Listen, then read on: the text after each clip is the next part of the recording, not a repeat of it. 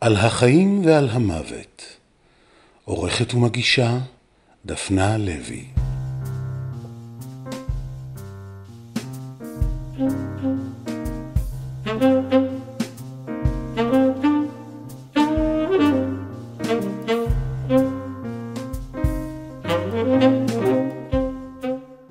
יותר מ-25 שנים לפני מות בעלה עירד, כתבה לאה עיני רומן על אישה צעירה שבעלה נהרג, והיא שמסרבת להניח למוות להפריד ביניהם, עוברת לגור לצידו בבית הקברות. כשהמוות הזה הגיע בסופו של דבר מטעם החיים ולא מטעם הספרות, כפי שהיא אומרת, לאה שקעה בכתיבת הילד של ליגיון הזרים, כדי להפוך אותו, את עירד, לאומנות, ללוש את הפצע ולעשות אותו לדבר יפה. קווי הדמיון בינה לבין עירד היו רבים ועמוקים, מה שאפשר את מה שלאה מתארת כזוגיות סוערת שמבוססת על נאמנות עמוקה, ומה שהפך אותם לקרש הצלה זה של זה. ברית של אנשים שחשו יתומים עוד כשהוריהם היו בחיים. זאת התחלה לא בדיוק אה, מלבבת, אבל היא מאוד uh, מחזקת. מבחינתי, אני גדלתי בבית של אבל ומוות. לשואה הייתה נוכחת בבית כאילו היא הייתה אדם חי. כיוון שאבי היה שורד שואה קשה, זאת אומרת, חמישה מחנות ריכוז והשמדה, בסוף אה, ניצל באמת בעור שיניו, הוא שקל 25 קילו, הוא היה מוזלמן. אבי לא היה מה, מהשורדים השותקים. בחושים של אה, חיה, כי באמת צריך הרבה מזל לשרוד דבר כזה, אבל גם המון פיקחות, את יודעת, לשרוד את כל ה... בן כמה הוא היה כשהוא עבר את כל הדברים האלה? כשהוא השתחרר, הוא היה בן 24. ועם רצון חיים שהוא פשוט אה, מטורף. למרות שהוא היה באמת אה, אנאלפבית, אפשר לומר, יוונית של כיתה ג', לא מעבר לזה. הוא היה איש מאוד פיקח, הוא קלט את המשיכה שלי לקריאה וכתיבה הרבה לפני בית הספר. בלבלתי במוח שאני רוצה לדעת לקרוא, ואני רוצה ספרים, לא משנה שלא זה היה ולא זה היה. מאיפה אבל... הגיע אלייך הרצון הזה, אגב? בבית שאין בו ספרים? זה משהו, משהו באמת אה, מטאפיזי, ואני אולי אחר כך אגיד לך איך התחלתי לכתוב, אז, אז אפשר יהיה להבין. זה התחיל מגיל ארבע, שממש בלבלתי במוח שאני רוצה ללמוד לקרוא, ורוצה ללמוד לכתוב, ו... ולא היו ספרים בבית. אבי זיהה את, ה, את התשוקה הזאת, והוא החליט שאני אהיה סוכנת הזיכרון שלו. וכבר מגיל ארבע וחצי, הוא בעצם אה, חסך את זה מאחי ומאחותי, שתיבדל לחיים ארוכים וטובים, כי אחי כבר לא בחיים. ופשוט היה חוזר מן העבודה, מתקלח.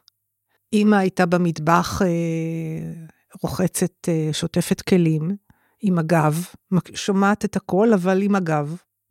ואבא היה מתיישב על דופן המיטה שלי, הייתי בת ארבע וחצי, הייתי מפזרת את הקוקו שיפסיק לכאוב לי, את יודעת, למשוך לי השיער. מהגומייה. מהגומייה. ואבא היה מספר סיפורי שואה.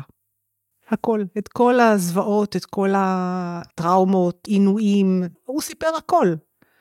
ואני מניחה שהוא חזר על זה, וככל שהתבגרת, הבנת יותר. ערב, כל ערב, סיפורי אימה, אבל אני הייתי מרותקת, כי הוא ידע לספר. השואה הייתה פשוט סרט. כשהוא היה צריך uh, לספר על הקאפו, אז הוא צרח באוקראינית.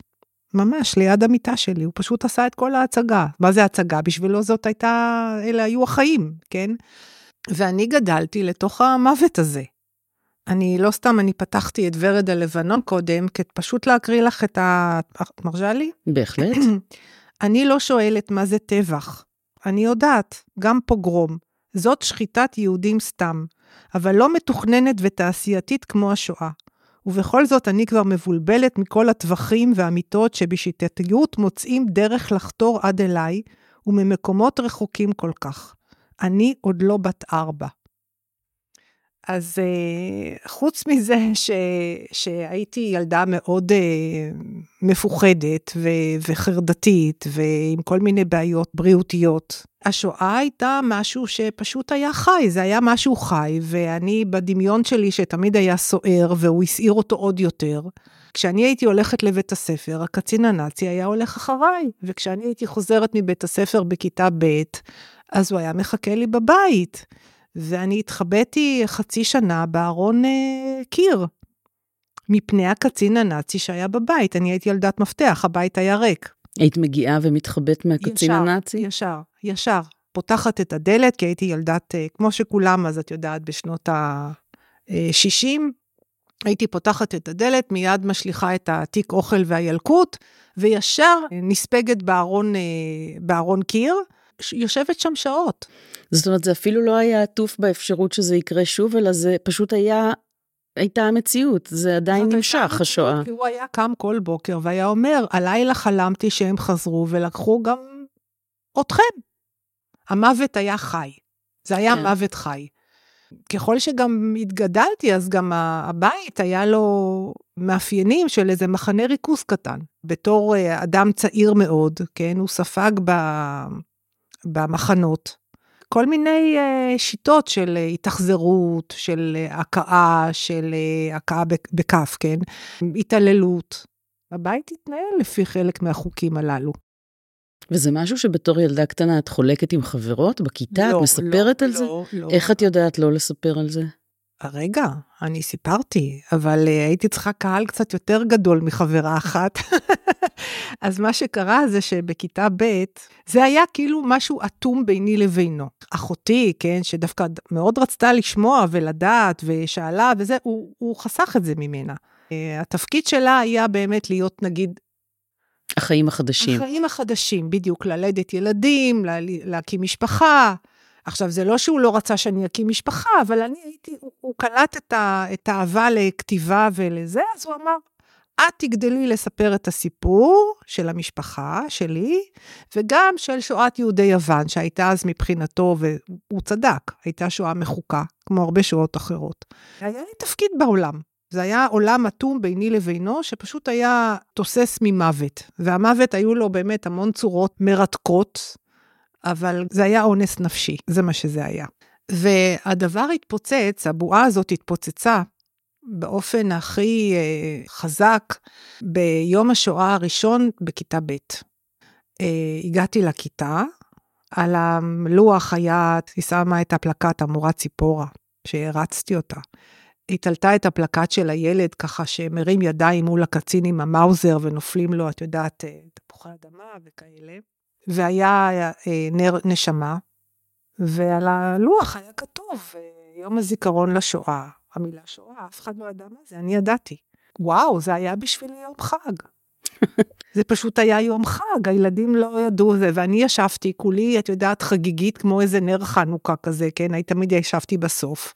והיא סיפרה, עכשיו המורה ציפורה, היא לא הייתה אבא שלי מן הסתם, וגם היא קצת, את יודעת, זה כל הטרלול הזה, רק בישראל מספרים לילדים בגיל שבע על שואה.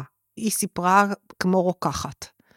היא סיפרה עובדות, היא סיפרה תאריכים, שישה מיליון, יהודים מפולין. היא מאוד התגוננה וגוננה, ניסתה לפחות. אבל אני הלכתי ובערתי, כאילו, כן? ואז היא, היא אה, עשתה איזשהו משגה. והיא שאלה בעברית מאוד חגיגית של 1968, היא שאלה, האם יש לאחד מן הילדים פה לתרום לנו משהו לעת uh, סיום ה... והיא לא ידעה איזה דלת היא פותחת. וואו. עכשיו, אני הצבעתי, את יודעת, כמו באמת uh, לפיד בוער. והיא אמרה, אוי, לאה, בואי חמודה, בואי, בואי ללוח. ואני באתי, זו הייתה הפעם הראשונה שעמדתי מול קהל.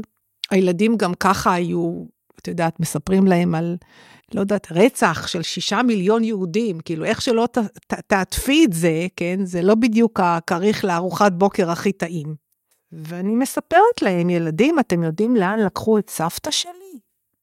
כשאבא שלי הגיע, כן, וירדו מהרכבת, והיה דוקטור מנגלה שחילק לגברים וחילק נשים, ולקחו את סבתא שלי למקלחת.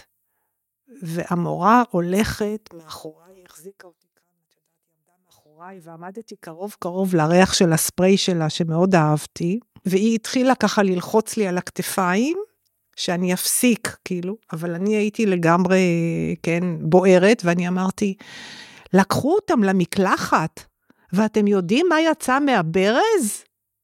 והיא כבר התחילה אה, אה, לדחוף אותי, סליחה, לדחוף אותי עם הברך לכיוון ה... לאה, מספיק, לאה, תשתקי, לאה, תחזרי לכיס... לשולחן, לאה, איפה, איפה? יצא גז, גז יצא, ילדים. אז היא ממש אה, באלימות דחפה אותי חזרה לשולחן. לא הבנתי את פשעי, כי זה היה סיפור שסופר לי כמעט כל ברור. יום. התחילה אלימות בכיתה, כי הדברים האלה תמיד הרי, את יודעת, אה, מייצרים אלימות, כי הילדים לא יודעים להתמודד עם ה... בצדק, עם ה... וקיבלתי פתק נזיפה. להורי התלמידה לעיני שלום רב, אני מתפלאת איך הסבא או הסבתא במשפחה מספרים לה סיפורי זוועות כאלה שללא ספק את רובם היא ממציאה ממוחה הקודח. ואני בכלל חשבתי שאתם מיוון. כאילו מה לכם ולשואה. נכון. הבנתי שיש פער עצום בין מה שהשואה של אבא, מהרבה בחינות, לבין השואה שהממסד מספר. אני בשואה הזאת לא קיימת. כאילו, אני והמשפחה שהוא כל כך רוצה שאני... ועוד הבנתי שאני צריכה להישמר. ולאט לאט אני התחלתי להיות החיילת של עצמי. הבנתי שאבא רוצה שאני אהיה אנדרטה, ואני בעצם אגדל ואחיה את המוות שלו, והתחלתי לסרב. והתרחקתי ממנו, זה לא קרה מיד, אבל לאט לאט, והיו עוד הרבה דברים בפנים שככה, את יודעת, ליבו את הדברים מצד אחד, וגם אה, לימדו אותי הרבה דברים. אני למדתי המון להבין לבד מה, מה צריך לעשות, כי המורה לא ידעה לטפל בזה, כן? זה נגמר שם. התחלתי לגונן על עצמי, ונהיינו האויבים הכי גדולים אחד של השני. אבא שלי ואני. כי לפני כן הייתי, את יודעת, בת הטיפוחים שלו ובת הזיכרון, כן? והוא היה משתגע, כי הוא היה רואה אותי, אני הרי באמת אה, התחלתי לכתוב הרבה לפני כיתה, הרבה, לא הרבה, אבל התחלתי לכתוב לפני כיתה א'.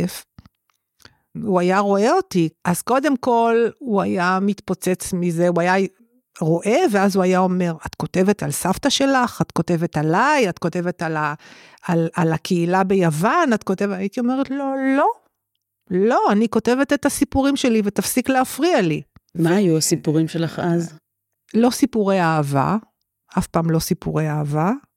כל מיני דברים כאלה, את יודעת, אני אפילו לא יודעת להגיד לך, אבל אני יכולה להגיד שהטקסט שה... הראשון שפרסמתי, שהוא ממש היה ספרותי בעיניי, כן? קראו לו אחמד, התרנגול העירוני שלי. אז ככה שזה היה משהו, כנראה זה, זה, אלה היו החומרים, כן? משהו כזה חברתי, אישי, כאילו דברים קשים. כי את זה את כן לקחת מהסיפורים שלו ומהרקע הזה, את הדבר הזה ש, שהכל שברירי והכל יכול להתנפץ שברירי, בעוד דקה. הכל, ו... הכל, הכל שברירי והכל, ועד כמה אנחנו בעצם יכולים להיות פאונים, ואסור להיות פאונים. ואני הבנתי שהוא רוצה שאני אהיה עכשיו הפאון שלו ולשעבד אותי כמו ששיעבדו אותו, ואני עמדתי מולו בגבורה עילאית. עכשיו, יחד עם זה, כשהוא היה שומע שזה לא, אני לא כותבת על הזיכרונות, על המשפחה וככה, על השואה, אז הוא היה מתחיל, ל, ל, ל, הוא היה איש קשה, הוא היה אומר לי, אז למה את מבזבזת עטים, ואסור לבזבז עטים, ולא חשמל, ולא דפים, ואני לא מרשה לך, ו... ו, ו, ו. אז אני הייתי דואגת לעצמי. איך דאגת לעצמך? אז גם אני שורדת, בכל מיני צורות. בכל מיני צורות. נחזור לזה כי נגיע לדבר על ירד בעלך, mm-hmm. שגם הוא היה שורד, ואת הגדרת את זה לא פעם בתור ברית של יתומים. נכון מאוד. שבעצם לא היו יתומים, אבל גדלו לבד, בבתים שבהם הם היו כן, לגמרי לבד. ילדים שילדי בר כאלה, לגמרי. אבל אני, את שאלת אותי קודם על הכתיבה, איך הגעתי בבית כזה לכתיבה, כי בבית היו רק שני ספרים. היה מצד אחד על המזנון בסלון ההגדה של פסח, שהיה בארמית, שסבא שלי מצד אימא הביא, לחנוכת בית, ומהעבר השני היה ספר לימוד הנהיגה של אח שלי.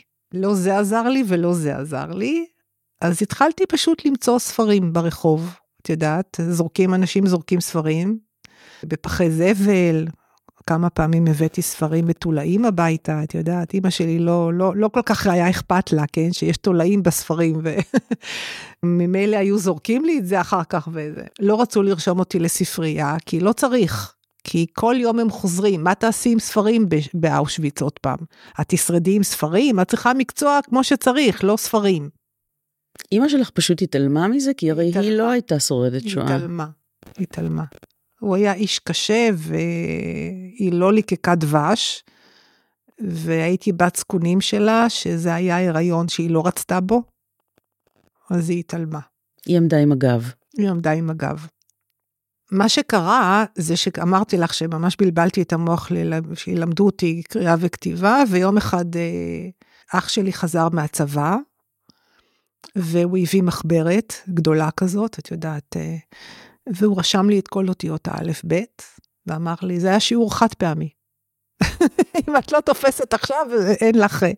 הוא כתב לי, א', ב', ג', א', אבא, ב', בית, ג', גמל, כל האותיות, מהר, מהר, מהר ללמוד, ותמשיכי, ל, ל, את יודעת, להוסיף מילים שמתאימות ל...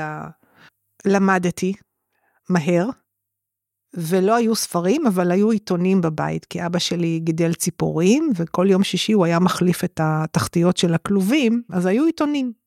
הייתי חוזרת לבד מגן חובה, עוברת כבישים וזה, כאילו, חופשי. ו... איפה זה היה? בבת ים.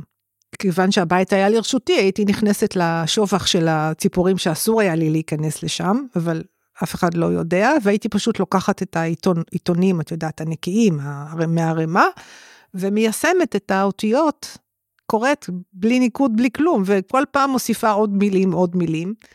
ואז הגיע הנס הראשון, דיברנו קודם על ניסים, הגיע הנס הראשון לקנות לילדה לאה עיני את הספרים לכיתה א'. אז אמא, תקני לי את זה עכשיו.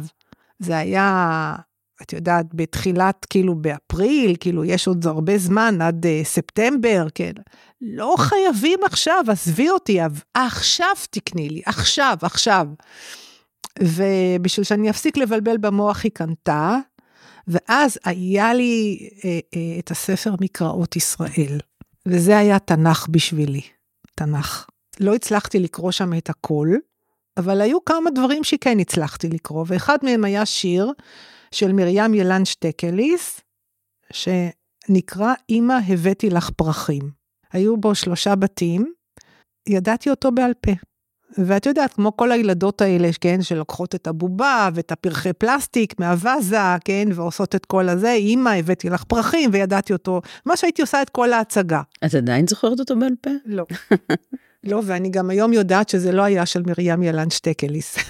אבל אני החלטתי שכן, אז אני לא יודעת, מאוד אהבתי אותה.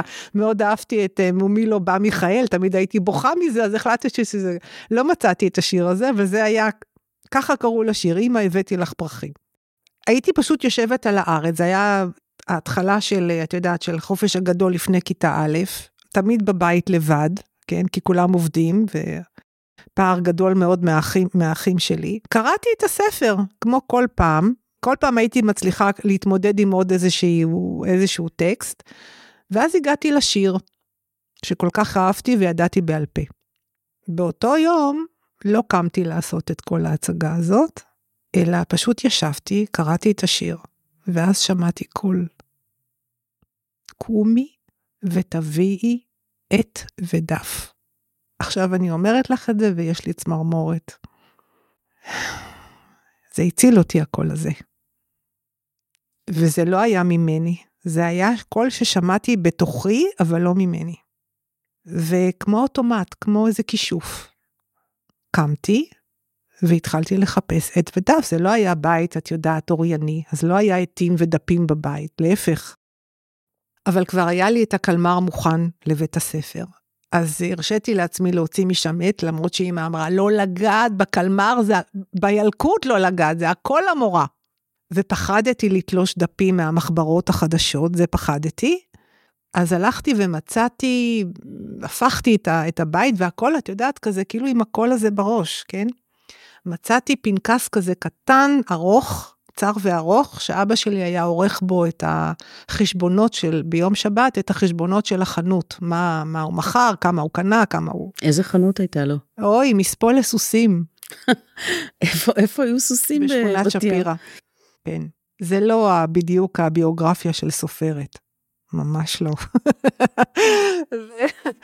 אם כי זו סופרת שאחר כך כותבת על רומן עם סוס. נכון, בטח, כן. בוודאי. אז uh, אני חושבת שהייתי בת מזל עם הילדות הזאת. בשביל סופרת? וואו, זה נתנו לי uh, חומרים מכאן ועד הודעה חדשה. הוצאתי את זה, הרשיתי לעצמי, כי זה היה לי חזק מאוד הציווי הזה, כן, לחזור עם זה לספר.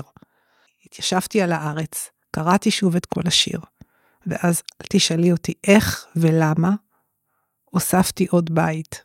פשוט... משלך. משלי, כן. לא נחוץ, עם חריזה לקויה, את יודעת, מי צריך את הבית שלי? אבל הבית הזה נהיה בית, תרתי משמע. וזה הציל אותי.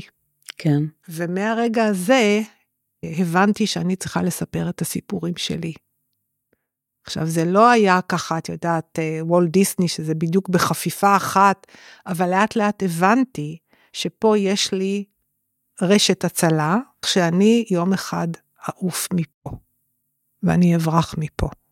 הבית הזה, כמה שזה נשמע עכשיו צבעוני, זה היה או להתאבד בו או להשתגע. אני התמכרתי לכתיבה. כתיבה, הכל היה בוסר, כן? זה לא משנה. אבל התמכרתי לקריאה, לכתיבה, אני... כשלא היו ספרים, גנבתי ספרים. כן? את שאלת אותי איך, נכון? אז כל הדרכים כשרות. כשרוצים לשרוד, אז שורדים. הבנתי, הבנתי שזה דרך חילוץ שלי החוצה. והתמכרתי לכתיבה, ובאמת הייתי כותבת, כותבת במין בולמוס כזה, את יודעת, אה, מחזות, סיפורים, שירים. אבא שלי היה קונה, מחליף את הפיליפס שלו, של הטלוויזיה, אחת לכמה שנים הוא היה מחליף פיליפס. לא הייתי מרשה לו להיפטר מהקרטון, והיו לי שני קרטונים בבית מלאים בוסר, את יודעת. שחזרת וקראת את זה מתישהו אחר כך? לא ממש הייתי מאוהבת בעצמי, אבל אה, כן, לפעמים הייתי, את יודעת, אבל עצם הכתיבה, המיומנות הזאת לכתוב, לכתוב, כמובן קראתי המון. לא, מעניין אותי איך זה נראה לך ממרחק השנים, הטקסטים שכתבת. בוסר. אם חזרת, בוסר. כן, לגמרי? תראי, באיזשהו שלב זה התחיל כבר לקבל איזשהו ממד אחר, למשל כשהייתי בסמינר ו... המרצה שלי, אילן שיינפלד, שהוא היה מורה בחסד, הוא כנראה עדיין מורה בחסד, שהוא ניגש אליי יום אחד אה, בהפסקה ואמר לי אחרי השיעור, את כותבת, כי ראו את העיניים שלי כנראה, הוא, אה, הוא לימד על שירה וככה, והעיניים שלי כנראה היו גחליליות, ואמר לי, מחר את מביאה לי אה, שיר. כי אז הוא הוציא עיתון מאוד ספרותי, מאוד מעניין ושהיה אז מאוד כזה חדשני, שקראו לו שופרה. אז אני הייתי נערה מבת ים, את יודעת, וזה היה ב, ב, ב, בסצנה התל אביבית, אז אני לא ידעתי, אבל הוא אמר לי להביא שיר, אז זה היה קדוש בשבילי. אני זוכרת, הלכתי הביתה, הפכתי את כל השני פיליפס האלה, הקרטונים, ומצאתי את, הש, את הסיפור, זה היה סיפור, אחמד התרנגול העירוני שלי, על נער ערבי פלסטיני שמטאטא את הרחובות כשהחיילת לאה הולכת לצבא. את זה כתבתי בגיל 18, 18. את מבינה מה הייתי כותבת? ואמרתי לעצמי, זה יתאים, אבל זה לא שיר, אז אני קצצתי אותו, את יודעת, לקחתי את הסיפור וקצצתי אותו לאיזה מין אה, שיר ארוך כזה, ככה. והבאתי לו, וזה פורסם. זהו, זה בערך ככה התחיל. אז הכתיבה הייתה חיים, והסיפורים בבית היו סיפורי מוות. והכתיבה, ואני חושבת גם האופי שלי, מצד אחד חי את המוות הזה, ניזון ממנו, כי זה מאוד פיתח אותי. מכל הבחינות זה היה אתגר, גם להיחלץ מזה, אבל מצד אחר, את יודעת, זה סיפורים. כל סיפור הוא סיפור. אבל את גם לא הפסקת לראות את הדברים שקורים מסביב, כי מטאטא הרחובות בבת ים, כן, בטח. זה מצוקה מסוג אחר. את כל, ה, את כל ה... את יודעת, העניינים, ה, מתחילה לקבל רגישות לעניינים חברתיים, חסרי ישע, תמיד רציתי להציל את העולם, את יודעת, אם היה נגיד מישהו בא ומאיים על סבתא שלי, אז הייתי הולכת ומאיימת בחזרה, ילדה בת שמונה, אני אעשה לך, אני אביא לך משטרה, אני אעשה ככה, כאילו, אה, ילדה מאוד מאוד, אה, מצד אחד אה, שברירית, ביישנית, אבל הכתיבה נתנה כוח. ואני חושבת שהמעבדת מחקר הזאת, שפתחתי אותה כבר בגיל כל כך צעיר, אפשרה לי ללמוד המון על החיים. לא לתת לשום רגע בבית, או בכלל, בחוץ, לעבור על פניי מבלי שאני חוקרת אותו. שזה אומר שאת לא בחרת בהדחקה, אלא לא בהתמודדות לא פנים אל פנים עם דברים מאוד קשים. לא הדחקתי, אף פעם. זה נתן לי כוח לעמוד מול הדברים, לא להכחיש אותם, לא לשקר לעצמי, אה, לא להיכנע לאבא בשום צורה, ממש הייתי חיילת, ובעצם לא להיות קורבן. בפועל הייתי קורבן. כשאבא מספר סיפורי שואה מגיל ארבע, ואימא, כן, מסובבת את הגב ומאפשרת את זה, והיא בעצמה הייתה לא כל כך לפעמים נחמדה עם כל האלימות שהיא גילתה, כל התסכולים היא הוציאה עליי, את יודעת. אז זה בעצם אה, אפשר לי, כן, לא להכחיש שום דבר. להתמודד עם הדברים כפי שהם, להכיר בזה שיש פצע. יחד עם זה, לא לתת לפצע, את יודעת, לשקוע בי ולהשתלט עליי, כי תמיד הייתי מגלגלת אותו למשהו אחר. תמיד הייתי לשה את הפצע מגיל מאוד צעיר, כי זה מה שכתיבה עושה. לוקחת את הפצע, לשה אותו, וממציאה משהו חדש, יוצרת משהו חדש. בגלל שהשתמשת עכשיו בפועל ללוש, כן. אני רוצה לקפץ, למרות שאנחנו נחזור, זה לא לפי סדר הדברים כמובן, לסיפור עוגה שנמצא בספר שלך, אוקיי. אה, השמלה, ששם ישנה אלמנה שזמן קצר אחרי שהיא התאלמנה, אחרי 30 ומשהו שנים של חיים ביחד, ושהיא אומרת שם שהשנות הנישואים הפכו אותם לבצק אחד, ושם את מגלגלת את זה באופן מאוד מאוד מאוד פראי. אני פראית. כן. לא, לא רואים את זה עליי, אבל אני פראית. כל מי שקורא אפילו רבע הסיפור שלך יודע את זה. בסדר, אבל לא תמיד משייכים את זה אליי, כאילו, זה כן. לא, לא נתפס. כן. אז שם באמת, אה, אלמנה הצעירה, זאת אומרת, לא היא לא צעירה, אבל אני כן. רציתי לומר טריה, אבל זה לא כן. מסתדר עם התואר אלמנה. כל אלמנה, כל המילה אלמנה היא, המילה אלמנה היא פתטית בעיניי. כאילו, את יודעת גם לקרוא לי, כי אלמנה זה מהמילה אלם. איפה אני ואיפה אלם? או אלמונית, את יודעת. זה, זה גם סיפור שאת כתבת זמן קצר אחרי שבעלך נפטר. זה הסיפור הראשון שאני כתבתי אחרי שהוא נפטר. ושם היא מוצאת... ואין לי אה, ספק שאם הוא ישנו באיזשהו מקום, הוא מאוד צחק מזה. זה כאילו מאוד לאה. כאילו, לקחת את הדברים, את האבל, את יודעת, הכי פועם, כאילו, הכי אה, זה, ולהפוך את זה למין סיפור אה, אבסורדי כזה, כן? כן, היא לוקחת שם את האפר שלו אחרי מותו, mm-hmm. ותואמת ממנו, והיא מצדיקה את זה בצידוק הכי יפה שאני יכולתי לדמיין בכלל לכזה מעשה. Mm-hmm. זה לא שהיא יורדת מהפסים, זה שהיא אומרת, במה זה שונה בעצם? הוא טעם מהחלב שלי, אני טעמתי מהזרע שלו. רק הגיוני שגם כן. זה יהיה בתחום ה... אנחנו ניזונו אחד מהשני 33 שנים, כן. למה שזה ייפסק? כן. ואז זה באמת נותן לה איזה סוג של אה, כוח על, היא פתאום כן, נהיית... צעירה ויפה. צעירה, יפה, חטובה ונמרצת. שזה לא קרה. לא שטעמתי מהאפר, אבל זה לא קרה. לא, אבל זה סיפור שלמרות שהוא מאוד אה, אפל כזה, וכאמור פראי, וגם מאוד מצחיק כשחושבים עליו. גם מאוד צבעוני, אני חושבת, לא כן. לא רק אפל, כאילו... אבל הוא, אני חושבת, דוגמה נהדרת לאיך את אה, מגלגלת בספרות פצע מאוד נכון. מאוד עמוק. ועושה ממנו משהו שנותן כוח. לגמרי, כן. זה כמו שבאמת לקחתי את המספו של אבא שלי וגלגלתי אותו לזהב, את יודעת, ב, נגיד בסוסית, כן? שהמצאתי כן. לעצמי, שאני עצמי כאילו, כן, כן, אני חושבת שהכתיבה באמת אפשרה לי לעמוד מול הדברים ולמצוא מתוך כל הפצעים ומתוך כל המיטות הללו, למצוא את החיים ובמלוא עזותם, הם היו מאוד עזים, מאוד חריפים, כן? כמו שהמוות היה כל כך אה, דומיננטי, הצלחתי, כאילו עבדתי על זה, כן? שה, שהחיים שלי יהיו דומיננטיים לא פחות. בלי כסף, כאילו, בלי תנאים, בלי... הסתדרתי. מאוד היה חשוב לי לא להיות קורבן. לא הסכמתי להשתעבד לשום דבר. וזה גם היה ככה בלימודים, שלא מצאתי את עצמי בשום מקום, וגם בצבא. מה עשית בצבא? וואו, אני סיימתי את הצבא עם, אה, את יודעת, מה, נותנים כזה, נכון? תעודת שחרור, אז כתוב שם שאני מצטיינת וזה, אבל אני הייתי פרא אדם בצבא שלא ייאמן. פשוט אני יודעת קצת אה, להיות אה, אבא שלי, אבל זה היה, הצבא היה מצחיק. מה היה תפקידך הרשמי? איתרו אותי להיות uh, צפתית. צפתית זה היה צפנית טכנית, שזה היה קורס מאוד יוקרתי, כן. נכון. מאוד נהניתי מהקורס, אבל הייתי אדם, תמיד אדם מאוד עצמאי. והייתי בצבא החייל האמיץ שווייק, זאת אומרת, עשיתי מה שאני רוצה, זה לא התאים לי להיות צפתית. היו לי מיגרנות. ובהתחלה שלחו אותי לבור, את יודעת. בקריה. בקריה.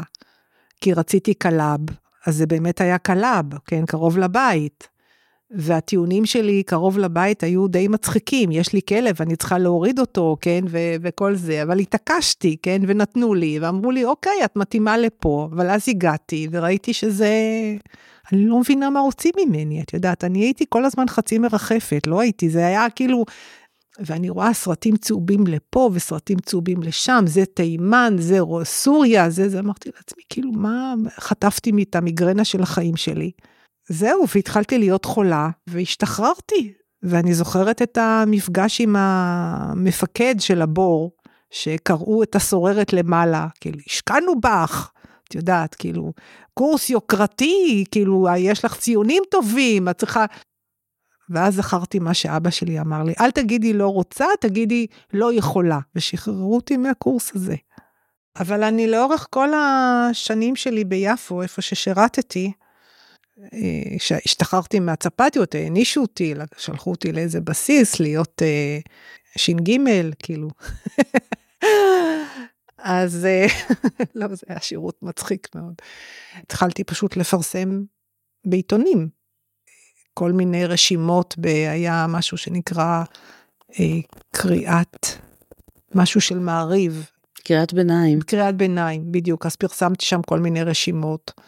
אבל הפרסום הראשון, הספרותי באמת, היה אחמד הזה, כן? אבל אז את כותבת את אה, גאות החול, כשאת לפני יותר מ-30 שנה, ושם פתאום, הרומן, זה הרומן הראשון שלך? אפשר להגיד שכן, זאת אומרת, היו לי שני ספרי שירה ראשונים. דרך אגב, זה היה משהו שחיבר ביני לבין בעלי. בכלל, כל הקשר ביני לבין בעלי תמיד היה מבוסס על כתיבה.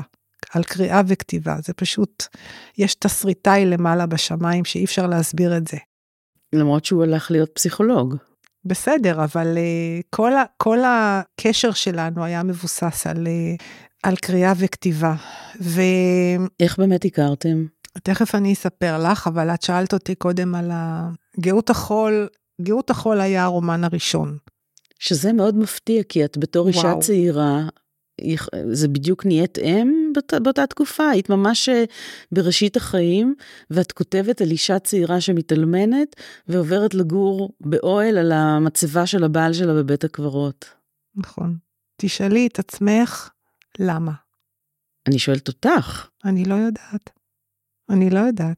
זה משהו שהוא מטאפיזי, אני לא יודעת להסביר את זה. כאילו, תראי, יש לי, יש לי את נקודת המוצא נקרא לזה הרציונלית, ההגיונית. הייתה לי הפלה.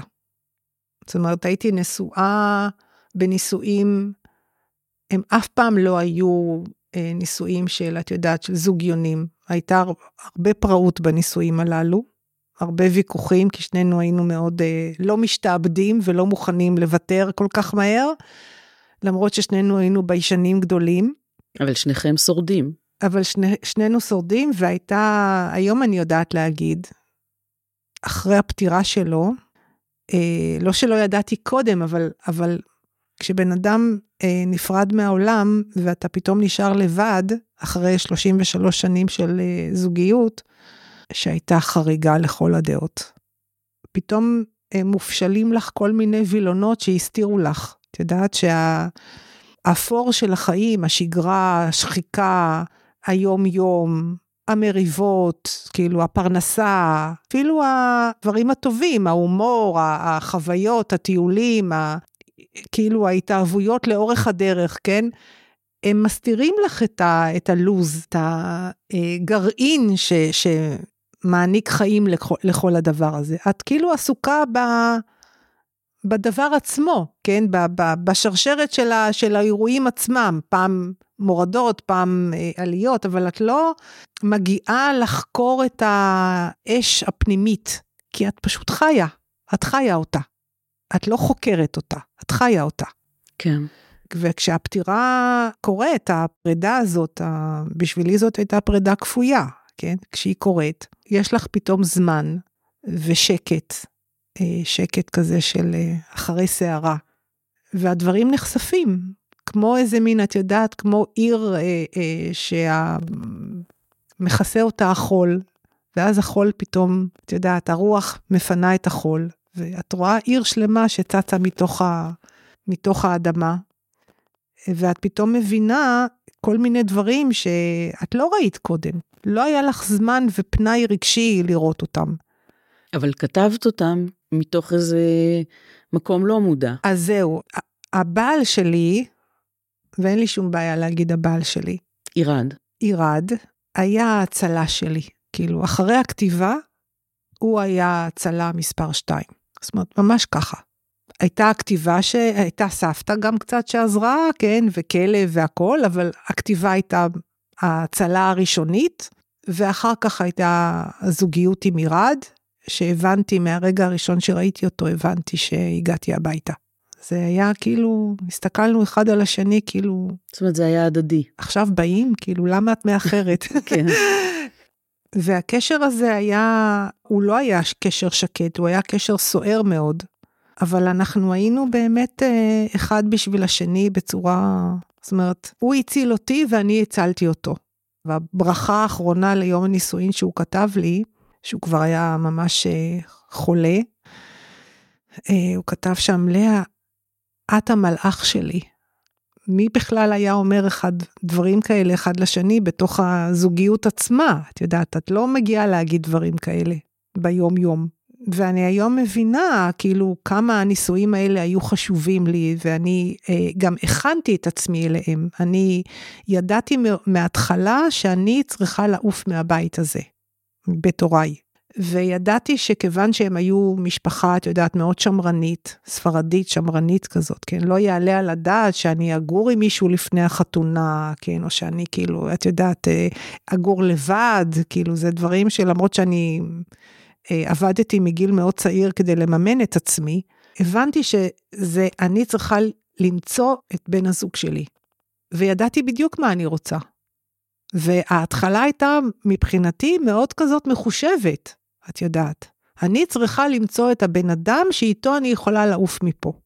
אה, וגם תמיד היה, תכונות? גם תמיד היה פחד מאבא שלי, גם אה, כאילו היחסים עם אבא שלי היו גם מלווים בפחד. הייתה רשימת תכונות, כן, היה, הוא צריך היה להיות משכיל, כן.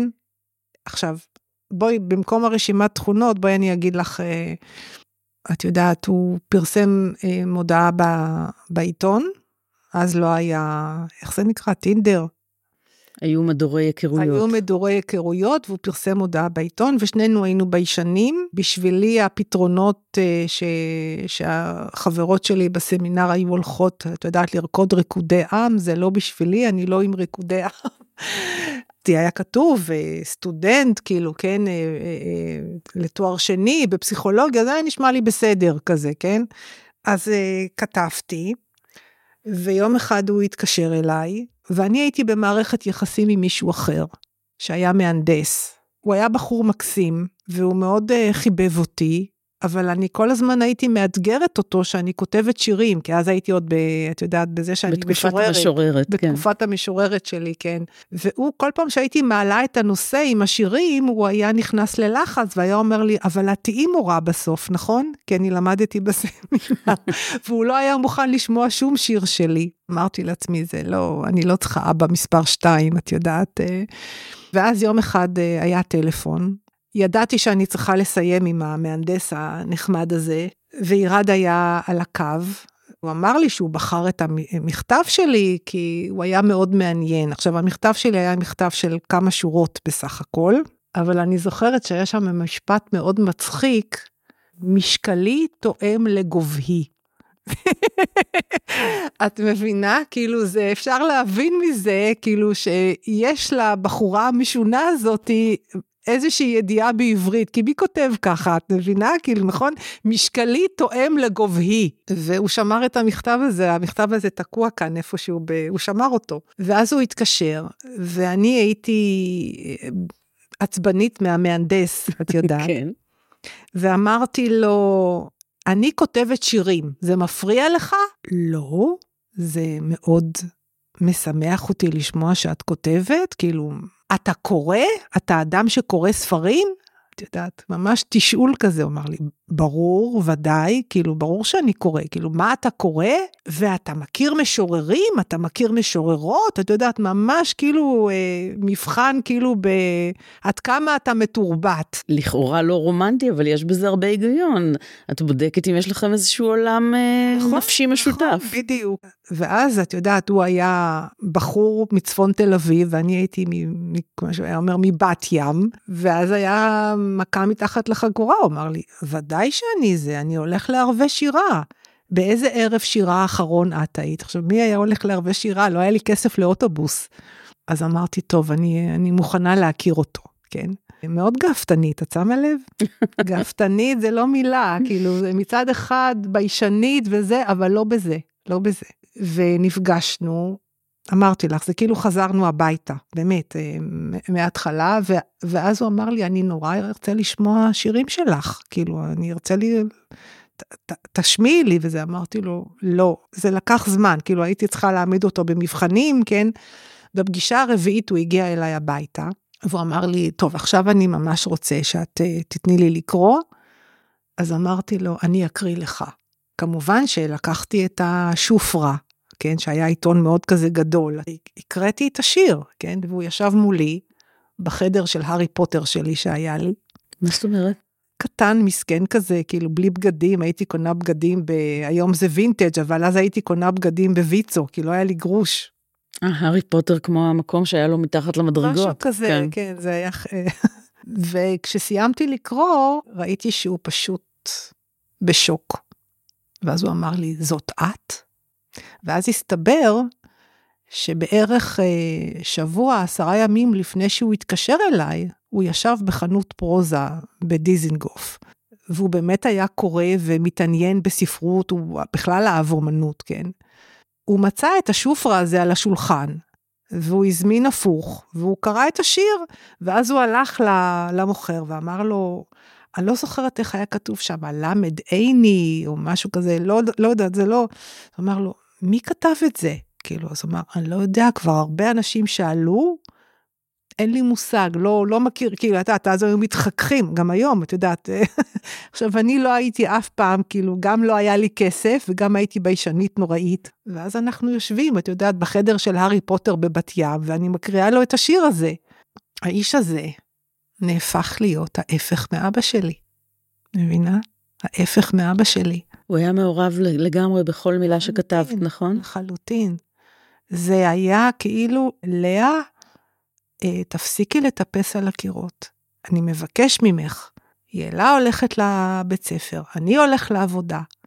תלכי למחשב, תעשי לך משהו לשתות, תשבי ותכתבי ספר חדש. זה אחרי שהייתי מתאבלת על הספר הקודם.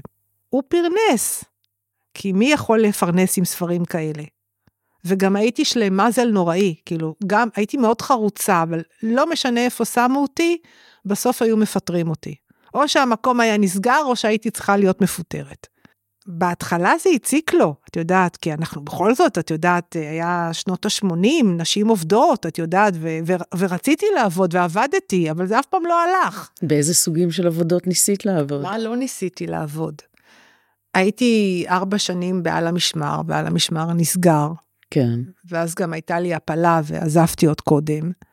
עבדתי כספרנית ופיטרו אותי, ניסיתי כל מיני עבודות. אה, בהתחלה היה לו קשה עם זה, אבל לאט לאט הוא הבין, אחרי כמה שנים הוא הבין, ואני התחלתי כבר לפרסם ספרים, אבל הספרים, את יודעת, את, כן, תמיד קיבלתי, אה, את יודעת איך זה נקרא, מקדמות, פה ושם היו פרסים.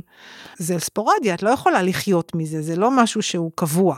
ויום אחד הוא בא ואמר לי, תראי, חשבתי על זה הרבה. את צריכה לקום בבוקר ולכתוב ספרים. אז הייתי מדוכאת, אני שנאתי את עצמי. שאני לא, את יודעת, שאני לא נורמלית, שאני לא יכולה, את יודעת, לה, לה, לה, להתברג באיזה מקום ובאמת להיות, אה, לעזור, כאילו לעזור מבחינה כלכלית, כן? להרוויח את לחמי, קודם כל. היו לי נישואים מהמאה ה-19, ממש, עם כל הפמיניזם שלי, הנישואים שלי היו מהמאה ה-19. ואז אמרתי, אה, אבל לא יכול להיות שאני לא עוזרת, כאילו, אני לא... אמר לי, לאה, חשבתי על זה. את צריכה לקום בבוקר ולכתוב את הספרים שלך. הוא אמר לי, אני אקח עוד עבודה. והאיש הזה עבד שלוש עבודות, כדי שלאה תשב ותכתוב ספרים. ולא לא שלאה ליקקה דבש בספרות. הייתי אחת כזאת שבאה מבת ים, קוראים לה עיני באלף, אבא שלה מוכר מספוא, אף פעם לא התביישתי להגיד את זה. נהיה לי כתם קין על המצח, כי זה לא בדיוק הביוגרפיה של, אה, של אישה סופרת. בטח כשהאישה הסופרת הזאת, את יודעת, אה, הועידו אותה לכתוב רק על שכונת שפירא. ועל ספרדים ועל אה, אה, יוונים. הביקורת, את מתכוונת. הביקורת, כן, כן. וגם האקדמיה, מי שבכלל התייחס אליי שם באקדמיה, כי כן. לא התייחסו. גם לא מתחככת, גם לא חברותית, את יודעת, כי ביישנית נורא, גם לא עשתה את המסלול הרגיל, גם אין לה חברים, גם היא לא אה, אה, כותבת מה שאנחנו מבקשים שהיא תכתוב, כי למשל את גיבורי קיץ מאוד אהבו. חלק מאוד אהבו וחלק שנאו, אבל מי שאהב, אהב מאוד ואמר, זהו, זה המקום שלך, לכתוב על החלקאים והנתקעים של דרום תל אביב. אבל אז הגיע גאות החול, שדיבר על מירי כץ, שאין לה שום שייכות עדתית, והיא לא מגיעה מדרום תל אביב, או משכונת שפירא או מבת ים, והיא נשואה לישי כץ, את יודעת. חושבת שהיא חיה את הזוגיות הכי, הכי מופלאה שיש לה, כן? את האהבה הכי גדולה שלה, מה שהיה נכון. ואז האיש הזה קם בבוקר, הולך למילואים, ועולה על מוקש, כאילו מתחלק על קליפת בננה, והוא איננו. למה כתבתי דבר כזה בגיל אה, 29, שאז התחלתי לכתוב את זה? אחרי הפלה קשה, אז יש את הסיבה הרציונלית, הפלה. ואני זוכרת שאז אמרו לי אחרי ההפלה, הייתי אישה צעירה, לא נורא, יהיו לך עוד ילדים. כמו שבוודאי אמרו למירי, אה, את אישה צעירה, את עוד אה, תשקמי את חייך. בדיוק. את אישה צעירה, את אלמנה צעירה, כן, אוקיי, הייתם נשואים, אני לא יודעת, שנתיים, שלוש, כאילו, כן, את תכירי גברים אחרים, הכל בסדר, אבל אני לא מסוגלת שיגידו לי דברים כאלה. גלגלתי את הפצע של ההפלה, ואת כל הניסיונות למשטר אותי. למשטר את להתאבל, האבל שלך, בדיוק, כן. איך להתאבל, כמה להתאבל, למה בכלל להתאבל, כשזה בסך הכל היה בחודש הרביעי, כן? אז מה כבר, את יודעת, מה כבר קרה? אני חושבת שאין אישה שלא מבינה את ה... בטח כשאת עוברת את השלושה חודשים, כאילו, את יודעת, מת, מתרקם שם אדם שאת מחכה לו, אדם קטן, והוא נלקח ממך. זה אבל לכל דבר. אני באמת הייתי באבל. תראי, בכלל הניסיון לייצר מדרג של אבל הוא אבסורדי. ברור. אבל החברה עושה את זה כל הזמן. החברה עושה את זה כל הזמן. אבל הוא לא one size, את יודעת. כל אחת זה תלוי הקשר וקשר ועומק, יחסים. ומבנה נפשי והכל, נפשי כן. והכל, וכן. היה לי באמת שנה ממש של אבל, קשה מאוד, וכל פעם שמישהו אמר לי, אבל את, אבל את, את יודעת, אז אני עוד יותר אה, השתבללתי. ובגלל שאני בן אדם פראי, אז כל דבר שאני חווה, אני חווה אותו במקסימום. כאילו, אין לי שום בעיה להיות קוקוריקו, אין לי שום בעיה להחצין את, ה, את הזה שלי, כאילו, לא מעניין אותי. גם כשירד תפטר, בהתחלה, האבל של ירד התחיל עוד כשהוא היה חולה, כן? זה אחרת. כי ידעתם שזה הולך לקראת כן, מוות. כי זה היה סרטן, כן. ו- ויש את האבל עוד הרבה, הרבה לפני ה- שקורה באמת, ה- קורית הפטירה. אני זוכרת, הייתי הולכת ברחוב, במין הל- ההליכות ערב האלה שלי, פתאום נזכרת במבטי הפרידה שלנו בבית החולים, שאמרו לנו שאנחנו צריכות לבוא להיפרד ממנו. את ובתך. אני וביתי, זה היה אה, אחרי שהוא קיבל אה, שבץ מוחי מהסרטן, זה היה שבץ מוחי על רקע סרטן, זה היה הסוף. ואז אמרו לנו, שאלו אותו אם הוא רוצה, הוא ביקש שלא יאריך, זאת אומרת, הוא ביקש בפנטומימה שלא יאריך, הוא כתב, גם לכתוב הוא לא ממש יכול היה כבר, וזה היה, את יודעת, אה, נורא, כי הוא היה איש של ספרים, ואת יודעת, לא, פתאום לא לדבר ולא לכתוב, הוא היה מרצה בחסד, בעלי. בכלל בעלי היה מבריק, ממש. הוא אה, ביקש שלא יאריכו את חייו, שייתנו לו פשוט למות. ואז אמרו לנו, תיכנסו להיפרד, כי זה יכול לקרות אפילו תוך חצי שעה, ויכול לקרות תוך יום. ואז אני זוכרת שעמדתי מולו, אה, אחרי שנה סוערת של צונאמי סרטן. כל יום היה, וואו, מחנה ריכוז מסוג חדש. עמדתי מולו, היו לו עיניים כחולות, והוא הסתכל עליי במבט שאני לעולם לא אוכל לשכוח אותו. העיניים הכחולות היו מוצפות בדמעות, הם היו, הכחול נמס מרוב שהוא היה חם. וזה היה מבט ארוך, ארוך, ארוך, ארוך וממוקד וחזק ו- ועז של אהבה ושל הכרת תודה, כי הוא לא יכול היה לדבר. אני עמדתי מולו, בוכה. כבר לא הייתי בשלב הילדותי שהיה לי קודם, שאני לא רוצה להיפרד, כי זה כבר לא היה אפשרי יותר. אמרתי לו שאני גאה להיות אשתו. המבט היה כזה, את יודעת, הוא היה מבט. הוא פשוט לא הפסיק להסתכל עליי. כאילו אנחנו נפגשים עוד פעם מחדש, את יודעת, שאני יורדת מר... מרכב 26 ברחוב אבן גבירול, איפה שהוא מחכה לי.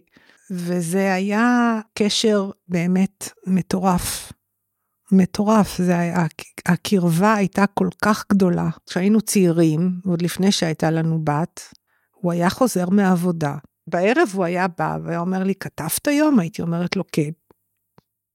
והוא גם תמיד היה אומר לי, את לא כותבת בשבילי, את כותבת בשביל עצמך, אבל אני רוצה לקרוא מה את כותבת. ואז הוא היה יושב על הספה וקורא את הפרק שכתבתי, כי הייתי כותבת בבולמוס תמיד, ותמיד מסתכל עליי בסוף עם עיניים עם דמעות, בהתפעלות, בהשתאות, את יודעת, בהערצה. את מבינה איזו מתנה זאת? איזו מתנה אני קיבלתי? וזה הזמן להציע את ההסבר הפסיכולוגי הפשטני, שאני מודעת לזה שהוא פשטני, אבל הוא בוודאי כנראה קיים גם, שהעובדה שכאישה צעירה את כותבת על אלמנות, כן.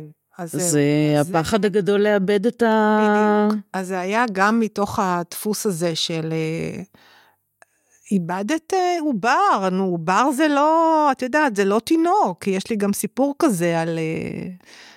זוג שהאישה בסוף נפטרת, היא לא מצליחה ובסוף היא נפטרת ויש הפלה בשלב מאוד מאוד, זה כאילו התינוק הכי, הכי, הכי הרבה שהחזיק להם, העובר הכי, הכי ארוך שהחזיק להם והוא מתעקש אה, לקבור אותו. את יודעת, כי הרי לא קוברים עוברים, זה ה... ומאוד התרגזתי שבכלל לקחו לי את העובר שלי, כאילו תיתנו לי אותו. התחילה מלחמת המפרץ ממש סמוך להפלה שלי. הרגשתי שאני רוצה לכתוב על המירי הזאתי. כתיבה שלי יש המון צד מטאפיזי, דמויות באות בצורה מיסטית לפעמים. כתבתי חלק מהספר. בדפים עוד הייתי כותבת. התחילה מלחמת המפרץ. אתן לך דוגמה לאהבה נוסח ירד ולאה. התחילה מלחמת המפרץ, הוא גויס והייתי לבד. הפסקתי לכתוב, אי אפשר היה, כל הזמן היה טילים על רמת גן, לא טילים, מה זה היה? אז קאדים. נכון? גם טילים. והוא כל הזמן היה מתקשר אליי מהצבא, משתולל, כאילו אם אני בסדר, אם אני בסדר, ואני זכרתי שכשהתחילה המלחמה, שמתי את כתב היד, את המחברת, באיזושהי מגירה. והמלחמה הסתיימה, כן, ואמרתי, אוקיי, עכשיו אני, אני, אני בן אדם שמתכנן, אמרתי, עכשיו אני רוצה עוד ילד. פיצוי על ההיריון ההוא וככה על ההפלה, אני רוצה עוד ילד ואני אמשיך לכתוב, ואני ניגשת למגירה. ואין את ה... כל המלחמה לא, לא פתחתי את המגירה, לא יכולתי בכלל, את יודעת, יצאתי מזה. אבל עכשיו המלחמה הסתיימה ואני רוצה להמשיך לכתוב, את יודעת, הייתה בי... וכתב היד נעלם? אין. הפכתי את הבית. אמרתי, אולי לא זכרתי, אולי שמתי את זה, יש מלא מקומות שאפשר... אין, אין את כתב היד, הוא נעלם. ואז התקשרתי אליו לעבודה, ואמרתי לו, אתה יודע במקרה, והוא ידע, הוא היה מעורה בכל, בכל. אמרתי לו, אתה יודע במקרה איפה ההתחלה של הרומן שאני התחלתי לכתוב לפני המלחמה? אז הוא אמר לי, לאה, אל תכעסי עליי, כבר אני כועסת. מה קרה? איפה זה? מה, אתה איבדת את זה? קרה לזה משהו? היה שם חצי מהספר. לא, הוא אומר לי, אבל זה לא בבית. אמרתי לו, איפה זה? אז הוא אמר לי, שמתי, עטפתי את זה בניילון, ושמתי את זה במקלט. את מבינה? כן. הרבה פעמים שואלים אנשים, מה היית מציל מהבית אם היה לך שתי שניות לקחת את הדבר הכי חשוב? אז הוא לקח את הדבר הכי חשוב. אז לשם ומצאתי את זה, כן. והמשכתי, ולא העליתי על דעתי באותו זמן, גם כשזה התפרסם והייתה התנגדות קשה ביותר לספר, לא העליתי על דעתי למה כתבתי דבר כזה. והיום אני שואלת את עצמי, וכנראה שאנחנו ניפגש עוד פעם כשיצא לי הספר הבא, דפנה. אבל היום אני שואלת את עצמי, אה, איך בן אדם שיש לו נישואים טובים, יושבת וכותבת על זה שהיא מתאלמנת. איזה מין חרדה קיומית, באמת, שזה יילקח ממני. את יכולה לקרוא לי איזה פסקה? אקרא לך את ה... יש איזה פסקה שמספרת על זה שהיא כותבת שהיא מחליטה לעבור לגור על, ה... על הקבר שלו, מתוך הנחה שזה שהוא נהרג מהמוקש, אם יש כזאת אהבה, זה לא אומר שהנישואים הסתיימו. המוות לא יחליט בשבילי ולא הצבא, את יודעת, גם הפקיעו אותה ממנו, כיוון שהוא בקבורה צבאית, אז היא לא תוכל אף פעם להיקבר לידו. אז היא יושבת וכותבת אה, מין תו כזה, כן? תראי, אני מירי כץ, חברתו ושותפתו לחיים ולאהבה של ישי כץ, שעלה על מוקש בתאונת אימונים בצפון לפני למעלה מחודשיים, מסרבת בזה להיפרד מן החיים המשותפים, החברות והאהבה. אין לי טענות כלפי המוות, אין לי כל דו-שיח איתו, או כל שפה משותפת. לא כל עוד אני חיה ומתכוונת להמשיך לחיות עד שתגיע שעתי למות. אבל אני בהחלט סבורה שאדם מת אינו מצורע, ושאין כל סיבה להפריד בין המתים לחיים. איך אני כותבת דבר כזה? איך אני כותבת דבר כזה? מה, מתי זה יצא? ב-92. איך אני כותבת דבר כזה כשאני בעצם מתאלמנת דה פקטו, כן? מטעם החיים עצמם, ולא הספרות, בשנת 2018. זה כאילו היה על זמן שאול, המתנה הזאת. והסרטן בא ובאמת, אה, אבל אני קיבלתי הרבה מתנות, וירד היה מתנה, וכשהוא ביקש ממני כמה חודשים אחרי שהוא אובחן סוף סוף. זה לקח הרבה זמן? ההבחנה, מרגע כן, כן. שהוא התחיל להתלונן על כאבים ועד ש... אה, הייתה לו חצי שנה ללא כאבים, ובחצי שנה הוא, הוא נפטר בייסורים. אני עשיתי דרך מאז בהרבה דברים, אבל uh, לקח לי המון זמן להבין את האיסורים האלה. לא חסכו ממנו שום תחנה בתחנות הסבל של סרטן לבלב. בסיפור אה, עוגה, שהוא כן. הדבר הראשון שכתבת אחרי מותו. נכון. את אומרת שם, היא אומרת שם, גיבורה שהיא אה, מרגישה שנפער בינה ובין החברות של היקום שלם. נכון, נכון. אבל את יודעת, אחרי מותו, את עשית באופן דומה לזה שמירי אמרה, אני לא מוכנה להיפרד, את ישבת וכתבת את הילדות אז שלו. אז הוא ביקש ממני, ת, תראי, תמיד ידעתי שיש לו סיפור חזק. הסיפור כן. שלו חזק כמו שהסיפור שלי היה חזק. כן. בצורה אחרת, אבל חזק. ו... אבל לא ישבת. וראיינת אותו בצורה לא, רציפה, ולא ממש הכנת לא, את ה... לא, לא חשבתי שהוא ימות, את יודעת, הוא, הוא, הוא חלה כשהוא היה בן 59, זה לא היה משהו שהוא היה מצופה, הוא גם היה לא. לכאורה אפשר היה לכתוב את הסיפור הזה גם בעודו בחיים. התכוונתי מתישהו לכתוב את זה, כן. אני רציתי, כי אמרתי, וואו, איזה סיפור יש פה, יש לו, כל המשפחה שלו זה סיפור, כן. כן? ועוד לא עשיתי את ההקשרים למשפחה שלי, לא עשיתי את ההקשרים, לא הבנתי עד כמה האימהות דומות בשתיקות שלהם ובבריחות שלהם. לא הבנתי עד כמה אבא שלי בא מהכבשנים של השואה, אבא שלו בא מהכבשנים של המפעל. האבא הזה נשרף והאבא הזה נשרף. וגם אבא אבא ו- שלו, כפי שהוא עצמו כתב בשיר שאת שמת בסוף הספר, גם דרש ממנו להיות סירת ההצלה שלו. נכ, בדיוק, נכון. ואבא שלו היה אומן, את יודעת, לא ממומש, ואז הוא מכיר את לאה ועשה תיקון לאבא דרך לאה. את כן. יודעת, אפשר ללאה להיות מה, ש... מה שהוא טען כל הזמן שאני צריכה להיות, והוא צדק, כי אני באמת אה, נעבך בכל דבר אחר. אני אימא לא רעה, אבל, וגם הייתי כנראה אה, אה, אישה בסדר, אבל באמת אחת כזאת שלא, לא, לא מצליחה ל, ל, לפרנס את עצמה ולקיים את עצמה. כמה נקודות חיבור היו שם שלא ראינו אותם, את יודעת, לא ראינו את זה.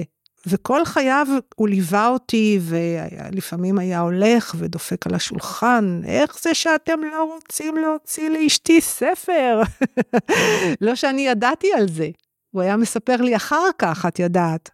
אמ, אבל ההחלטה לכתוב את אה, הילד של ליגיון הזורים, אז זהו, זה בא ממנו, כי, כי כשהוא אובחן, אחרי באמת 33, אה, אז זה היה כאילו 32 שנים של קשר ו- וזוגיות והכל, שהוא באמת רק תמך ונתן ואפשר ועודד, ו- ו- ואז יום אחד אנחנו יושבים כאן בסלון, והוא הפתיע אותי, פעם ראשונה, פעם ראשונה. הוא אמר לי, לאה, הוא אמר לי, אני רוצה שתכתבי, פתאום out of the blue, אני רוצה שתכתבי עליי. אני הסתכלתי ככה, את יודעת, ואמרתי לו, הייתי עמומה, כי הוא אף פעם לא ביקש שום דבר מזה, כלום. הייתי מאוד ילדותית ואמרתי לו, כן, אני התכוונתי, אבל אתה יודע שאני לא כותבת, תראי איזה ילדותית, יאללה. אני לא כותבת אה, הספדים. כאילו גם בוורד הלבנון, שזה אוטוביוגרפיה שלי, אני כתבתי את האמת, כאילו לא ניסיתי להפוך אף אחד שם לאנדרטה, או, ל, או חלילה למפלצת, או למלאך, לא, פשוט כתבתי והחמרתי גם עם עצמי. אבל מרגע שירד ביקש את זה, אז מרגע שירד ביקש, אז אני בהתחלה התמרדתי, כאילו זה אינסטינקטיבי, את יודעת, זה כאילו. לא תשתלט עליי, כאילו, את יודעת, לא תשעבד אותי עכשיו, כאילו, אפילו שאתה... לא תגיד לי על מה לכתוב. לא תגיד לי על מה לכתוב. אז אמרתי לו, תראה, אני, את, אני, אז הוא אמר לי, לאה, אני רוצה להיות ספר שלך. תכתבי כמו שאת כותבת. אל תהפכי אותי עכשיו למה שאני לא. והוא הסתמך בעיקר על הזיכרון הטוב שלי, שיש לי. כל הסיפורים שסיפרנו אחד לשני כשהכרנו, את יודעת, ולאורך השנים שאני עוד הייתי עם הפוסט-טראומות שלי, והוא היה עם הפוסט-טראומות שלו בדרך אחרת, אז מדי פעם הוא היה ככה נזכר באיזה סיפור קשה. אבל לא- באמת בחרת לא לכתוב את זה כממואר או כביוגרפיה, אלא כרומן. הוא רצה להיעלם ולהיות סיפור. הוא אהב אומנות והוא רצה להיות אומנות. אני חושבת שאין יפה מזה, כאילו הוא לא ניסה, את יודעת, לשמר את עצמו, כאילו בחיים. הוא רצה שאני אלוש אותו. את יודעת שאני אעשה את מעשה הלישה הזה ואני אגלגל את הפצע הזה למשהו יפה. ואני לא התחלתי מיד, כי חיי קרסו. התחלתי אחרי איזה שמונה חודשים, כי הייתי צריכה לאסוף את עצמי, ואת יודעת, הייתי באמת, אה, כמו שהבת שלי אמרה, אימא, אה, הגיע הזמן ש... שתתחילי לחיות את המאה ה-21, ולא את המאה ה-19, כי אני לא ידעתי הרבה דברים. מבינה? הרבה דברים לא ידעתי. זאת אומרת, פמיניסטית עד העצם, אבל אה, אסור היה לי להיכנס לסופר. הוא היה קונה.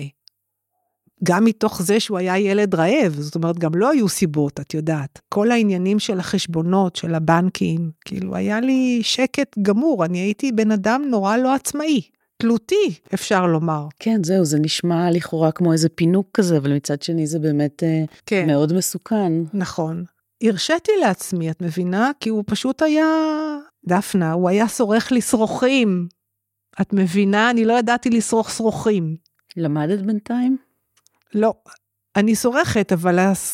את יודעת, כזה שאחרי כמה, כמה צעדים זה... הוא היה כל אבא ואימא, והפסיכולוג, והמעריץ, והמאהב, והחבר, והחברה, אה, ואבא של בתי, שתיבדל לחיים ארוכים וטובים. הוא לפעמים האויב, ולפעמים, ה, את יודעת, אה, אה, הוא הכל.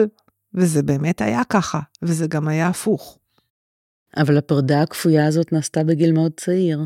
נכון. הוא היה בסך הכל בן 60, נכון?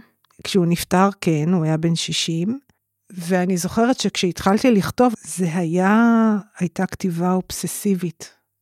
את יודעת, זה גם התחיל בצורה מאוד... אה, הוא, כשהוא ביקש ממני, הכנסתי את עצמי, כן, לתוך הרגע הדרמטי של העניין, ואמרתי, ברור, אוקיי, ברור שאני אכתוב. רציתי להיות עם עצמי ואמרתי לו שאני הולכת קצת לנוח, ושכבתי ב... בחדר שינה, וישר נכנסה לי הדמות הראשונה מהספר, שהיא תיירת. במלון. במלון, כי באמת הוריו שכרו שם, אה, אה, כאילו כל העובדות נכונות, כן, אבל אני אה, הייתי צריכה למלא הרבה חללים. וגם את עירד הילד בעצם לא הכרת. ברור ו... שלא. העבודה על הספר לאורך הזמן הזה הייתה, כאילו נתנה לך להיות איתו עוד? בדיוק, אז זה, זה משהו שהייתי כותבת באובססיה, ואני לא יודעת מראש מה אני כותבת. כאילו, התיירת הייתה לי מה, מההתחלה, כשהוא ביקש, ממש מה, אחרי חצי שעה שהוא ביקש. והתביישתי. אמרתי לעצמי, מה הנודניקית הזאת נדחפה עכשיו? כאילו, מה התיירת? למה להתחיל? הבן אדם הולך למות, מבקש את הספר כמו, כמו תכתבי לי את ורד הלבנון שלי, ואת מתחילה עם תיירת? כאילו, נניח שהייתה סיטואציה בתור ילד שהסתובב ב- בלובי, את יודעת, כי ההורים עבדו שם, מכרו תכשיטים וכולי, אז נניח שהייתה הגיוני שתהיה סיטואציה שהוא יצר איזה תקשורת עם איזה תיירת, את יודעת ש... בסדר. אבל למה זה צריך לפתוח את הספר? כי את פראית? לא, כי, כי היה שם איזה חוט שאני לא ידעתי אותו, הוא לא עלה על פני השטח, אבל הוא היה שם, וככה אני עובדת, בצורה מאוד אינטואיטיבית. כן. וואו, זה הטריד אותי, כן? אבל היא הייתה חזקה, היא הייתה עקשנית, התיירת הזאת. ואחרי יומיים, בגלל שהוא הכיר אותי, הוא ידע שזה תהליך שיכול לקחת עכשיו שנים, אבל הוא הכיר את לאה והוא ידע שאם מבקשים מלאה משהו, בטח כשזה כאילו, הקשר היה מבוסס נורא על נאמנות, כאילו שנינו באנו מבתים חרבים, בלי כאילו יתומים כאלה, הלומי ילדות כאלה, אז נאמנות זה משהו חשוב, זה אני, את בשבילי ואני בשבילך. אז אה, אחרי יומיים הוא שאל אותי במין חצי הקנטה כזאתי וחצי סקרנות אמיתית. אמר לי, נו, כבר התחלת? שיקרתי. אמרתי לו, לא.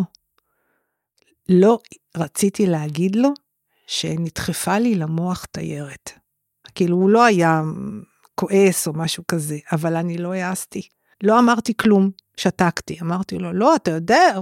תראי, לא מתערבים לשף אומן במתכון שלו. אבל, אבל לא כשאתה אדם גוסס לידך. כאילו, אני הייתי כאילו, הרגשתי שאני חייבת לתת יותר, את יודעת, לתת איזה קורבן יותר גדול, כן? ולא היה לי, היה לי איזה משהו כזה פתטי. את, את יודעת למה זה מאוד אה, נעים לשמוע דווקא את הסיפור הזה על התיירת שנדחפה לך? כי אמרת שהקשר ביניכם היה מבוסס נורא על נאמנות, אבל את לא מוותרת בשבילו על הנאמנות שלך לספרות. לכן הוא אמר, אני רוצה להיות ספר שלך, אל תעשי לי, אל תהפכי אותי לאנדרטה או להספד. כן. בכל השנה הנוראית הזאת, היה עוד פעמיים שהוא פתאום פנה אליי, כאילו כמו איזה מין עולם ביני לבינו, ונתן לי עוד סיפור קטן, את יודעת, כי הוא ידע שאני, הוא ידע שאני דוגרת. ואחד הסיפורים שהוא נתן לי, החשוב מביניהם, ממש חודש לפני שהוא נפטר. הוא כבר לא הועיל, וזה היה ממש... אה, הוא פתאום פנה אליי ואמר לי, כאילו היו, היו כאן אפילו אורחים, את יודעת, והוא פתאום כאילו שם, הוריד מסך, כאילו, את יודעת, זה כבר אדם שכבר, הוא בתוך המוות כבר, והוא חי, חי כבר חיים אחרים, זה החיים מצטמצמים, הוא כבר יותר שם מאשר פה. והוא פתאום מתעלם מהאורחים, והוא פנה אליי, כאילו, את יודעת, איזה מין תשדורת כזאת, את יודעת, אה, סופר אינטימית ואישית כזאת, והתחיל לספר לי על הדוד ששירת בליגיון הזרים. והוא תמיד תיאר אותו בפניי בתור דמות מאוד כזאת ציורית, את יודעת, וכזה, את יודעת, לחם, בביר חכי. אונרי, הדוד אונרי. הדוד, בדיוק. כן. הוא ראה אותו אולי איזה כמה פעמים, זה לא שהיה, הוא היה גר בצרפת, הוא היה בא לבקר אחת לכמה שנים, אז פתאום, את יודעת, מכל, מכל האנשים, הוא פתאום העלה מהאוב את הדוד הזה, כן, מליגיון הזרים. הבנתי שהוא נותן לי את, ה, את הגרעין. הדוד הזה, הוא בא אחת לכמה שנים, אבל מה שהוא מעניק לילד, שווה את כל, ה... את כל הילדות השבורה והמרוסקת הזאת, שמצד אחד אוהבים אותך, גם אבא שלי אהב אותי, כן? ובוחרים אותך להיות נושא הסיפור, כן? נושא הלפיד, ומצד אחר, שורפים גם אותך. ויש את הדוד הזה, כמו סבתא שלי בוורד הלבנון, שנתן לו איזה אחיזה איך הוא אמר לו זה? אני, אני רוצה להקריא את זה. או, oh, אני אשמח מאוד אם תקראי, כן. כן, אוקיי. אחרי שדוד אנרי הסתגר עם אמא במטבח והסכים להקשיב לעסק ביש שלה בעבודה שבחנות המפעל, שאחריו צעד וצעד במסדרון הדירה לכל רטינותיו של אבא בסלון. הוא היה הלום קרב הדוד. הדוד נקש על דלתו. כשאמר כן, ממילא ישב דרוך על המיטה, ירד כאן בן 11. דוד אנרי נכנס, סגר את הדלת חרש מאחוריו, זקף גרבות למראה הווילון המוגף והחל לצעוד נוקשה כמחבט בחדרו. פעמיים התעכב ליד הגלויות הספרים והגלובוס שאבא תקע בו נעץ על פירור הפיזדיולוך ישראל, ופעם אחת עצר ליד הדיוקן של סבא דוד שהושען על הקיר. אני מדלגת. הדוד מתח בקצות אצבעותיו את שפמו משני צדדיו ואמר באנגלית שנשמעה מצחיקה. ידידי, האם מותר לי להשיא לך עצה? עד שתהיה מבוגר, נהג בהורים באופן ניטרלי. אני מתכוון, חשוב עליהם כעל שתי מדינות שרוצות לכרות איתך ברית שלום, אך בעל כורחן מתנהגות כמדינות אויב. ומפני שהוא לא ידע מה לומר, הדוד נאנח. דעתי? בחר לך זהות חדשה. והוא לא סיפר לי את זה, הוא לא קישר את זה, אבל הוא, הוא, הוא סיפר על הדמות שלו, את יודעת? כן. ואני הרגשתי שהוא נותן לי את הלגיטימציה ואת החוט, שהספר הזה צריך בעצם, הסיפור של המשפחה צריך בעצם לבוא לידי ביטוי דרך הדמויות משנה. יש להן חלק בסיפור מרכזי בדיוק כמו לדמויות המרכזיות של המשפחה, כי בסופו של דבר, הפצע הוא קולקטיבי. אה, במשפחה שלי, את יודעת, היינו משפחה מאוד פרטית. אבא שלי מוכר מספוא, אז היה אנחנו והסוסים, כאילו כמה, לא שהייתה שם משפחה. במשפחה הזאת הם היו בעלי מפעל נחוץ, אה, כן, למפעל הציוני, כן, היה להם קשרים עם הממשלה, עם ה... אנשים מאוד עמידים, כן, מאוד, תארי לך שהמשפחה הזאת בשנות החמישים... כשבארץ הייתה צנע. היה צנע, הם היוו מכולה של רהיטים מאיטליה של אר דקו. מבינה? זה כאילו, איפה זה? ואיפה העולם שלי בכלל, שפה אה, אה, אה, לא מרשים אפילו שיהיו ספרים, כי מחר הנאצים חוזרים וכל הבית היה סקפני. וחמותי כל הזמן הייתה משוויצה וחוזרת ונזכרת בנשפיות, נשפיות, כן? במלון רמת אביב, ואת יודעת, לאה, שבחתונה שלי היו שלושה חברי כנסת, מבינה? אז... אה, אז הבנתי, הבנתי שהדוד הזה נתן לו יותר מכולם. אפשר לו לבחור ו... זהות משלו. אפשר לו, אפשר לו את הכנפיים שהכתיבה הייתה בשבילי. כן. עכשיו תגידי לי שהכל מקרי. אני לא מאמינה בזה.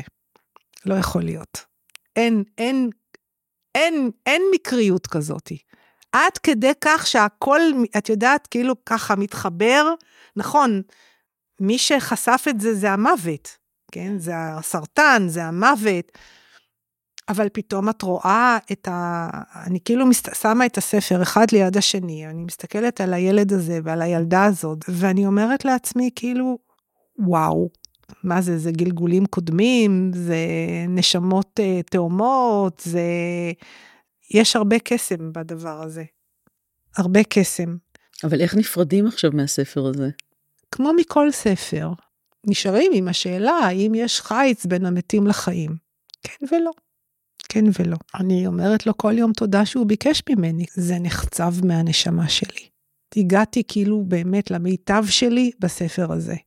כי זה היה לי כל כך חשוב, את יודעת, שזה יהיה מלוטש ומסוטט. לא להשאיר שום מוקש שלא פירקתי אותו. להיות הכי טובה שאפשר. כי, כי אני חייבת לו. כי אני באמת חייבת לו. לאה, אני נורא מודה לך ששיתפת אותי. מאוד מאוד מאוד מודה לך על כך. בשמחה.